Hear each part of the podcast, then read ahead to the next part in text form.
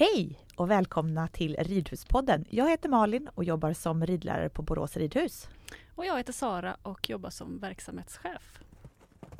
Mm.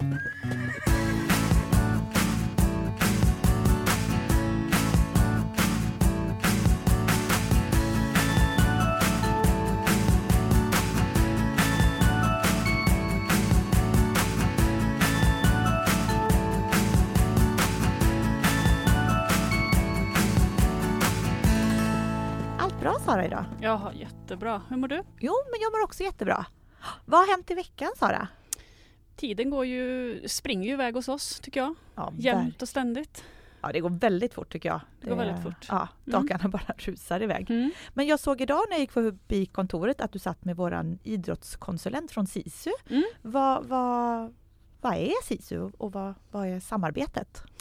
Ehm, SISU utbildar ju idrotten. Alltså id, de heter ju SISU Idrottsutbildarna. Mm. Eh, så de hjälper oss med eh, ja, vår utbildning och utbildningar vi vill göra. Försöker hjälpa till på det sättet. Vi har ju haft flera ledarutbildningar. Vi har en ledarutbildning på gång nu som en Mm. av våra ridlärare, en annan av våra ridlärare på ridhuset ska eh, köra och utbilda våra egna, om man säger Mm. så.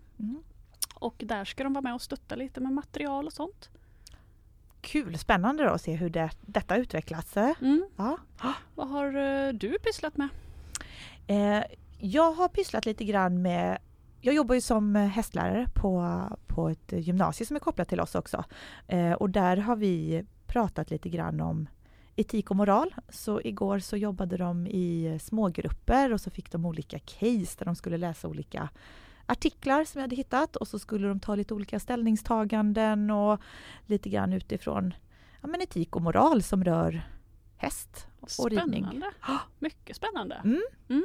Eh, Och då kommer vi faktiskt lite, nu kanske jag gör världens sämsta brygga, jag som är nybörjare på detta, men då kommer vi in lite grann på, Dagens tema. ja precis, eh, Mm. där vi tänkte att vi skulle prata om hästvälfärd.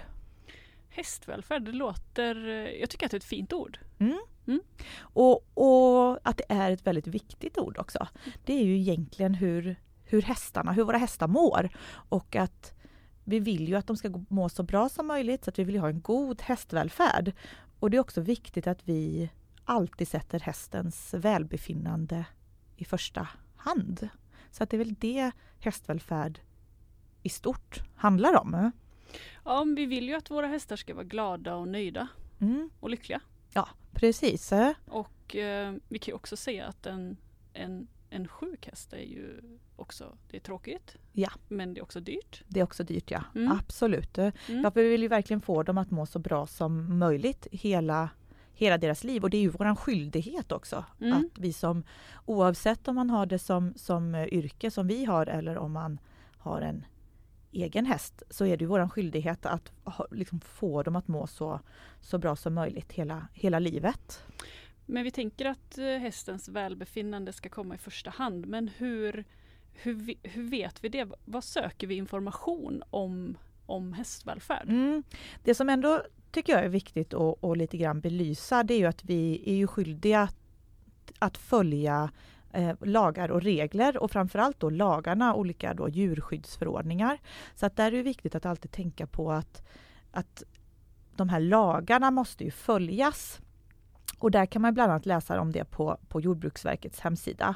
Mm. Eh, så att där någonstans tycker jag att det är viktigt att börja för att veta, följer jag lagarna och reglerna? Så att även om inte det kanske alltid beskriver hästvälfärden, för det där beskrivs det ju kanske mera till exempel stallmått till exempel. Mm. Eller ehm, till exempel så finns det en, en, eh, en eh, lag där det står att djuren ska hållas och skötas i en god mi- djurmiljö och på ett sådant sätt att deras välbefinnande främjas. Mm. Där kan det ju vara lite... Det är ju tydligt att vi ska sköta hästarna på ett sådant sätt så att de mår bra. Men hur vet vi att de mår bra? Men Mm. jag tycker ändå det är viktigt att börja med att följa reglerna. Och de hittar man på, som sagt, på Jordbruksverkets hemsida. Eh, sen kan man läsa till exempel om Code of Conduct på Ridsportförbundet. Eh, man kan titta i våra tävlingsreglementen om man, som man måste följa utifrån tävlingar. Eh, man kan till exempel kolla på Länsstyrelsen eh, eller förbundets, distriktens eh, vad heter det, hemsidor Mm för att söka den informationen. Ja, för Länsstyrelsen har ju, eh, gör ju besök hos oss eh, och de ger ju också oss tillstånd Mm. att hålla på med verksamhet. Ja. Och sen tänker jag på det du sa, vårat distrikt Västergötlands ridsportförbund, de kvalitetsmärker ju Ja. också. Precis. Men om vi ska gå in lite mer på vad är egentligen lagar och regler inom hästhållning? Vad säger de? Ja, där kan man ju som sagt hitta, lite som jag nämnde där om att man till exempel kan hitta hur, hur stor ska, ska en box vara till exempel? Eller eh, hur ska vi hålla hästarna utifrån att de ska må bra och att utifrån att deras naturliga beteenden och behov ska bli tillgodosedda. Ehm, Så egentligen så följer Länsstyrelsen de lagar och regler. precis. Det är det de ser på när de är till exempel ute hos oss. Ja, så Mm. deras, deras uppdrag i Länsstyrelsen är ju just att göra kontrollerna och se att ja, men både privatpersoner och eh, företag följer de lagar som är framtagna Mm. för att säkerställa att hästarna och hästvälfärden ska vara god. Mm. Men hur, hur ser man skillnaden? Du pratar om lagar och regler men hur ser vi att hur, hur kan vi då mäta att hästen mår bra? Det är ju någonting annat. Mm. Och där tycker jag också att det är viktigt att man har så god kunskap som möjligt och att man fortsätter hela tiden. Vi blir ju aldrig fullärda inom häst så att man behöver som både som hästägare eller återigen vi som jobbar med det behöver hela tiden fortsätta att utbilda oss för att ja, jag som inte kan något om, om höns, jag har en dröm någon gång att jag vill ha höns men jag har ju faktiskt egentligen ingen koll på hur, hur mår en höna när det mår bra. Återigen, jag kan ju följa eh, lagarna som står för, för hur man ska hålla höns. Men jag behöver ju kunskapen och utbilda mig och umgås med, med djuren eh, för att veta hur hästen ser ut när den mår bra. Och det är också viktigt att, att både naturligtvis för, för hästens skull att den ska må så bra som möjligt men ur ett hållbarhetsperspektiv men också för att den ska vara trygg och att eh, en, Ja. säker, ja, men ur en säkerhetssynvinkel. Mm. Mm. Glad och nöjd också. Ja.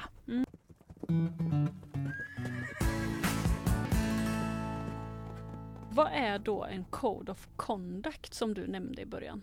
Det är en uppförandekod och den kan man läsa på om på Ridsportförbundet. Det finns tio stycken punkter. Eh, och där tycker jag att man alla ska gå in och läsa. Det är inte så att vi behöver rabbla upp alla, alla tio här idag tänker jag. Eh, en punkt till exempel det är att inom all hästsport är omsorgen om och omvårdnad av hästen av yttersta vikt. Och då kommer man ju lite grann in och nämner det här med, med hästvälfärd så att det ska ju säkra hästvälfärden. Eh, en annan viktig punkt till exempel är för hästens bästa är det väsentligt att ryttaren är kompetent och kunnig och dessutom i god fysisk kondition. Eh, så att det finns lite olika punkter som man kan läsa där. Så det tycker jag uppmanar jag alla att gå in Mm. och kolla. Där tänker jag också att första gången jag kom i kontakt med Code of Conduct eller kanske började förstå innebörden, det var ändå när jag började tävla. Mm. Då var det viktigt att, att förstå den där, eh, som du sa, uppförandekoden. Ja. Eh, och jag som har eh, håller i grönt kort-kurser så är ju också Code of Conduct ett ämne som vi pratar mycket i kring på den utbildningen. Så precis som du säger att många gånger kan det nog vara där man stöter på det första gången. Mm. Sen är det också viktigt att tänka att det genomsyrar eller ska genomsyra hästhanteringen både på tävling men ännu eller jag ska inte säga ännu mer viktig, men att den ändå, man tänker, man är ju oftast hemma än vad man är på tävling, så att det Mm. också ska genomsyra livet med häst alltid. Mm. Och sen det är klart att många har ju sin första kontakt med häst på ridskolan. Mm, mm. Så jag tänker att hur jobbar vi med det här? Ja. ämnet.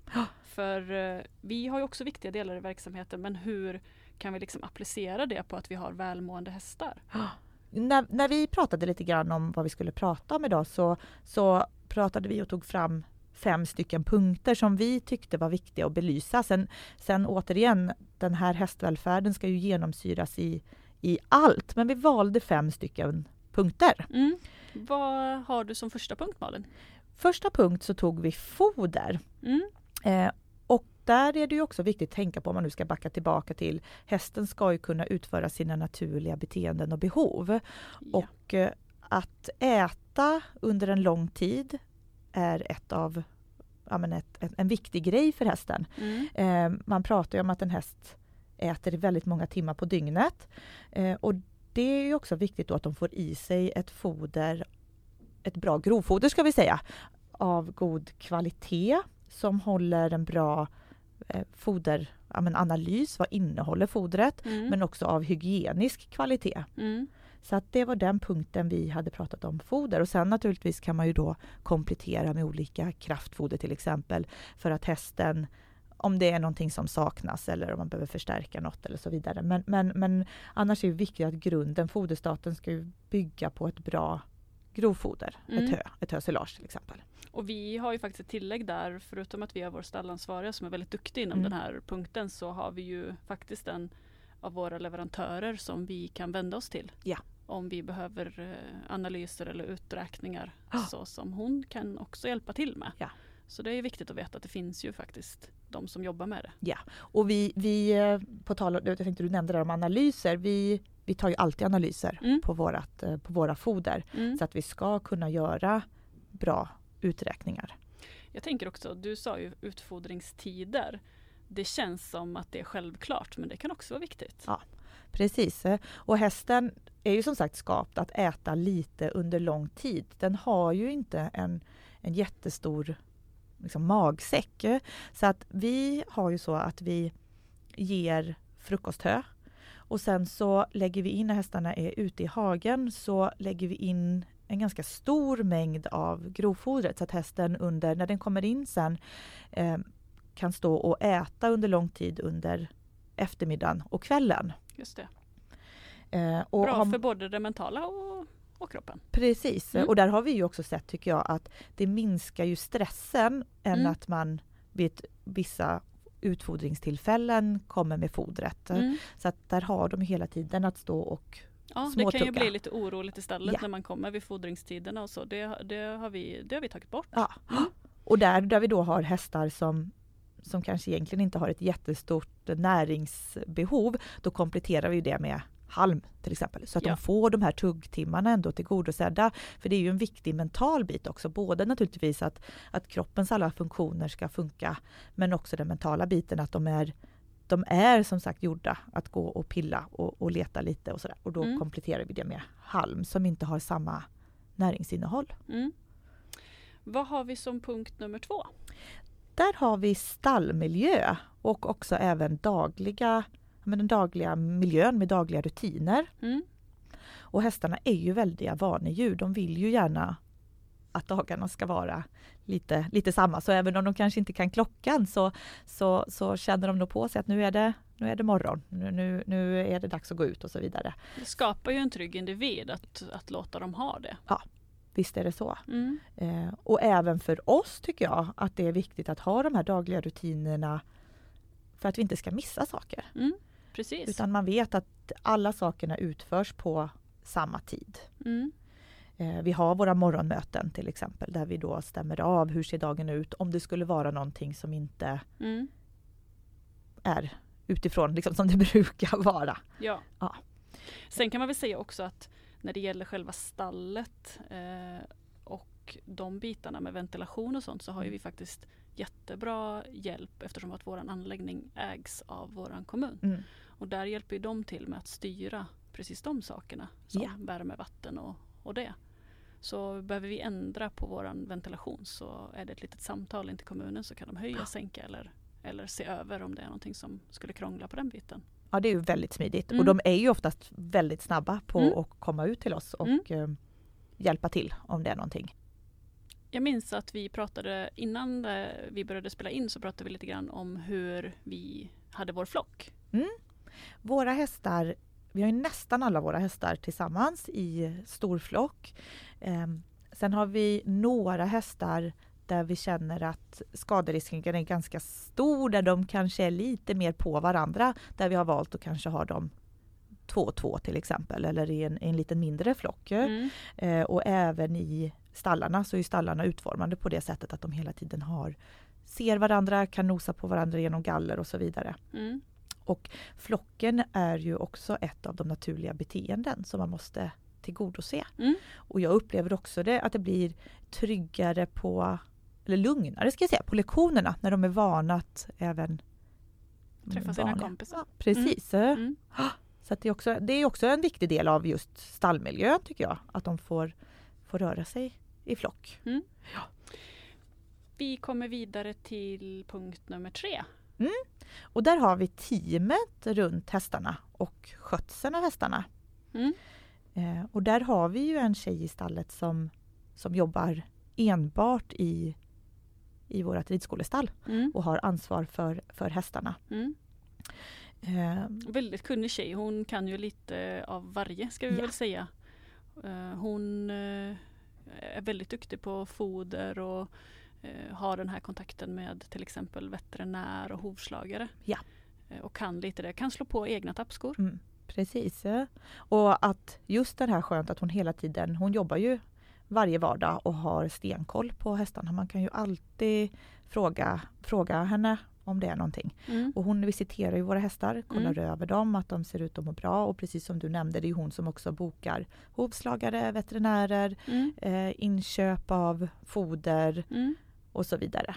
Och hon har också mycket kontakt med er ridlärare mm. om hur hästarna mår. Ja. Och eh, ni lägger ju upp den planen tillsammans. Mm. Jo men visst är det så och vi har ju personalmöte Förutom de här morgonmötena så har vi också personalmöte, ett större personalmöte en gång i veckan. Mm. Där vi också går igenom hästarna eh, gemensamt i, i personalen. Mm. Sen så är hon också alltid snabb på att meddela om det är någonting man bör tänka på till exempel att nu verkar den här hästen kanske lite tröttare. Vi kanske ska ta ut den ur verksamheten eller den tillsammans med, med oss att den här kanske behöver ridas av oss i personalen just nu eller mm. så, så, så finns ju det, det det, det samarbetet och det är ju, tycker jag är otroligt viktigt att, att det arbetet i personalen finns. Och jag tycker också att det är, hennes arbete speglar sig ju så tydligt i hur eh, hästarna ser ut och mår. Ja. Och vi, ja, jag tycker vi har ett välmående hästar så hon gör ett jättebra jobb där. Ja. Absolut. Och hon är alltid, tycker jag, snabb. Det kan ibland vara sådär, jag som inte jobbar riktigt varje dag i veckan och så kan man, oj nu tyckte jag den där såg lite smal ut. Då har hon redan liksom uppmärksammat och har en, en plan för det till exempel. Ja. Mm. Ja, punkt nummer fyra. Ja, det är ridning och motionering och där kommer vi ju lite grann in på redan innan kanske det här med individuell plan. Eh, det är ju viktigt tänker jag både för oss som har en verksamhet med många hästar men också om man har en egen häst att lägga upp sin plan. Mm. Vad, vad har man för, för mål till exempel eller delmål eller när, när har jag tänkt vaccinera min häst till exempel så man mm. behöver veta det att liksom, lägga in kanske lite, en lite lugnare period så att man inte precis ja, har råkat missa att jag bokade en tävling då. Mm. Där när jag skulle vaccinera till exempel. Mm. Och här får vi väl också eh, säga att om man nu tränar och tävlar mycket att man har den dialogen med, tillsammans med sin eh, tränare och mm. ridlärare såklart. Ja men det tycker jag är en viktig, en viktig punkt. Att man lika väl som man som sagt bygger upp teamet runt hästen, att man, man har det här jag litar på den här hovslagaren till exempel och jag har den här veterinären och jag har den här utbildade tränaren eller ridläraren som man hela tiden kan bolla och fråga om hjälp. För, för det är ju lika mycket hästar, lika mycket ägare och, och många gånger väldigt olika kanske åsikter. Mm. Så det är viktigt tycker jag att man hittar vad, vad är det för linje jag känner mig trygg och vilka personer omger jag mig. Mm. Precis som vi vi har liksom ett kontaktnät där vi litar på mm. när vi jobbar med hästarna. Eh, det är ju en punkt i Code of Conduct som säger att det är viktigt att verka för ökad utbildning och ökade kunskaper inom hästhållning och träning. Ja. Mm. Eh, och att man återigen tar med sig det här att vi blir aldrig fullärda och att man är så, vad ska man säga, ödmjuk, kanske ordet jag letar efter, Mm. till att fortsätta lära sig och, och sen tycker jag också att det är lite spännande. Vi har ju de här reglerna och vi har lagarna och man utbildar sig. Men sen också varje häst är ju en individ. Mm. Så att det kan ju också ibland vara saker som funkar på, på en häst. Nu menar jag verkligen inte att man ska gå ifrån någon, någon, någon eh, lag, men, Mm. men att det kan faktiskt funka på någon häst och så träffar man på en annan individ där man behöver anpassa på ett annat annat sätt i olika situationer. Och där är det ju också, ju mer kunskap man har desto mer kan man ju falla tillbaka på har det här funkat någon annan gång till exempel Mm. och så vidare. Så vi får slå ännu ett slag för att verkligen rida och använda en eh, godkänd tränare eller ridlärare. Mm. Inte bara i ridningen utan även ehm, när man försöker bygga upp sitt team runt hästen. Ja precis, Mm. och, och, och sin hästkunskap. frågor. Ja, hästkunskap. precis. Mm. Ehm, och det är väl lite vad den sista eh, punkten, punkt nummer fem, Ja, handlar om. det är öka sin egen kunskap. Så nu, nu gick vi in lite grann i varandra, men Mm. öka kunskap tog vi som punkt nummer fem. Eh, och som sagt, där har vi också gått igenom lite grann vart man kan söka eh, olika informationer. Och att som sagt rida för, för en utbildad eh, tränare eller ridlärare, både för sin för ökad kunskap inom ridning men också hästkunskap. Och det kanske det finns utbildningar, det finns kurser som man kan gå. Mm. Läsa Mm. vanlig hederlig gammal bok Mm. eller på webben. Men det här är väl de sakerna vi har valt att jobba lite mer med. Mm. De fem punkterna som vi just tog upp. Ja, Om vi kör en liten sammanfattning för de viktigaste punkterna för en välmående häst. ja. Vad hade vi först då? Eh, för att hästens bästa är det väsentligt att ryttaren är kompetent och kunnig. Det Mm. tyckte vi var viktigt. Mm. Eh, så att om man skulle vara även vid god fysisk kondition pratade vi om. Själv ja. Ja. Mm, som ryttare. Ja. Mm. Och eh, du var ju, eh, förklarade lite i början där att man ska skilja på lagar och regler och förordningar kontra en välmående häst.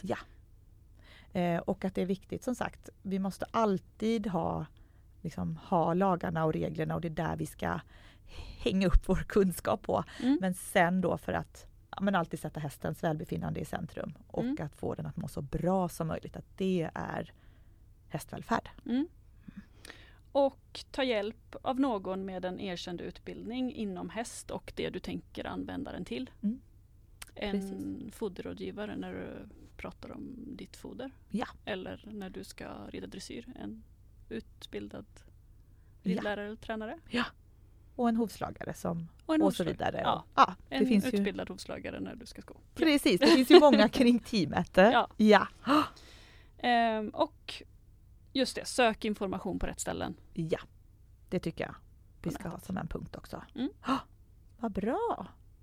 Men då har vi nog fått med det mesta, eller det mesta, det finns ju hur mycket saker man kan säga om det här ämnet, men vi har i alla fall fått skrapat lite på ämnet och vi har fått med saker som vi tycker är viktigt. Ja, och vi tycker också att hästvälfärd är ett, en, en, en, ett viktigt tema Mm. att jobba ständigt runt oavsett om du är nybörjare på ridskolan, om du har din egen häst eller om du tävlar mer ofta. Så är det ju i, verkligen i ropet att eh, vara uppdaterad och jobba med det här dagligen.